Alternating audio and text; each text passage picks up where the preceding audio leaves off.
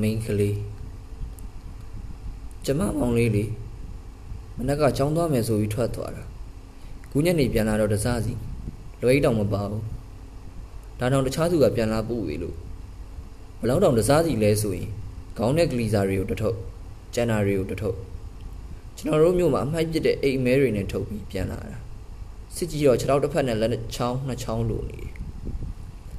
ဘယ်ဘက်လက်ကလေးမှာတော့လက်စွပ်အရာကြီးနဲ့ လက်စွပ်တော့မရှိတော့ကျမလည်းအတော်စိတ်ပြတ်သွားတယ်မောင်လေးသေးလို့ဒီလောက်စိတ်မပြတ်ကျမအမေကငိုလို့မပြီးတော့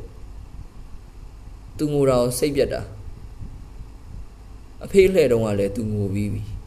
အဲ့တုန်းကလည်းကျမစိတ်ပြတ်တာပဲဒါကကျမတို့ရက်ဒီသားမှာဖြစ်နေကြအထွေထူးခံစားနေလို့လည်းပို့ပဲအဲ့ဒီအကြောင်းကိုကျမရှင်းပြတော့ကျမသိရင်ငရဲရောက်ပါတဲ့ရောက်ပါစေပေါ့ ခုမှခုဒီမှာငရဲထထောင်ဆိုးသေးတယ်စဉ်းစားကြည့်လေကျမသွေးကိုခဏခဏဆုပ်တဲ့သူနဲ့အတူတူနေရတာနှစ်ပေါက်နေဒိုင်ယာနာကျင်မှုတွေအကြောင်းမေးလာရင်ကျမချွေးနှံကိုရှူခိုင်းရမှာပဲဒါမှမဟုတ်လဲကျမသွေးကိုနည်းနည်းမြည်ခိုင်းရမယ်ကျမခန္ဓာကိုယ်ထဲမှာကရေတွေသွေးတွေအစားတုတ်တွေနဲ့ပြည့်နေတယ်တစ်ခါလေကျမမိရလာသေးတယ်သူ့ယောက်ျားသူ့ကိုမချစ်တော့ပဲကျမကိုပဲချစ်တော့တယ်တဲ့ ဟုတ်တော့လဲဟုတ်တယ်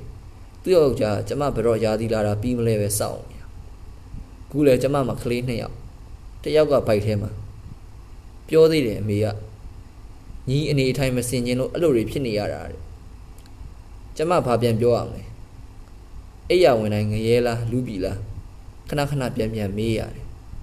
သူ့ယောက်ျားဝင်လာပြီဆိုသိကြတယ်ဒါငရဲပဲအဲ့ဒါကိုအမေကလက်ပိုက်ကြည့်နေခဲ့တာလေ အဲ့တော့သူသားတည်လို့ငိုလဲကျမလက်ပိုက်ကြည့်နေအောင်ပေါ့မိုင်းနင်းမိတာလေ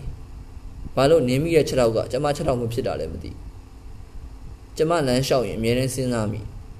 ရှေ့မှာမိုင်းဆိုရင်ကျမပြေးပြီးနင်းလိုက်တော့ကူးတော့စာသွားတင်လိုက်အောင်ကာကြီးခါဝေးတွေဘာပဲဖြစ်ဖြစ်ကိုယ့်နာမည်ကိုယ့်လက်မှတ်ထိုးတတ်ရင်လေကလေးတွေကိုမိဘမဲ့ခေယာကိုလက်မှတ်ထိုးလွှဲခဲ့လို့ရတာပဲကျမအမေလက်ထဲမှာတော့ကျမမအပ်ခဲ့နိုင် လောကမှာကျမအမယုံဆုံးကကျမအမေပဲနေမျိုးဆက်လူ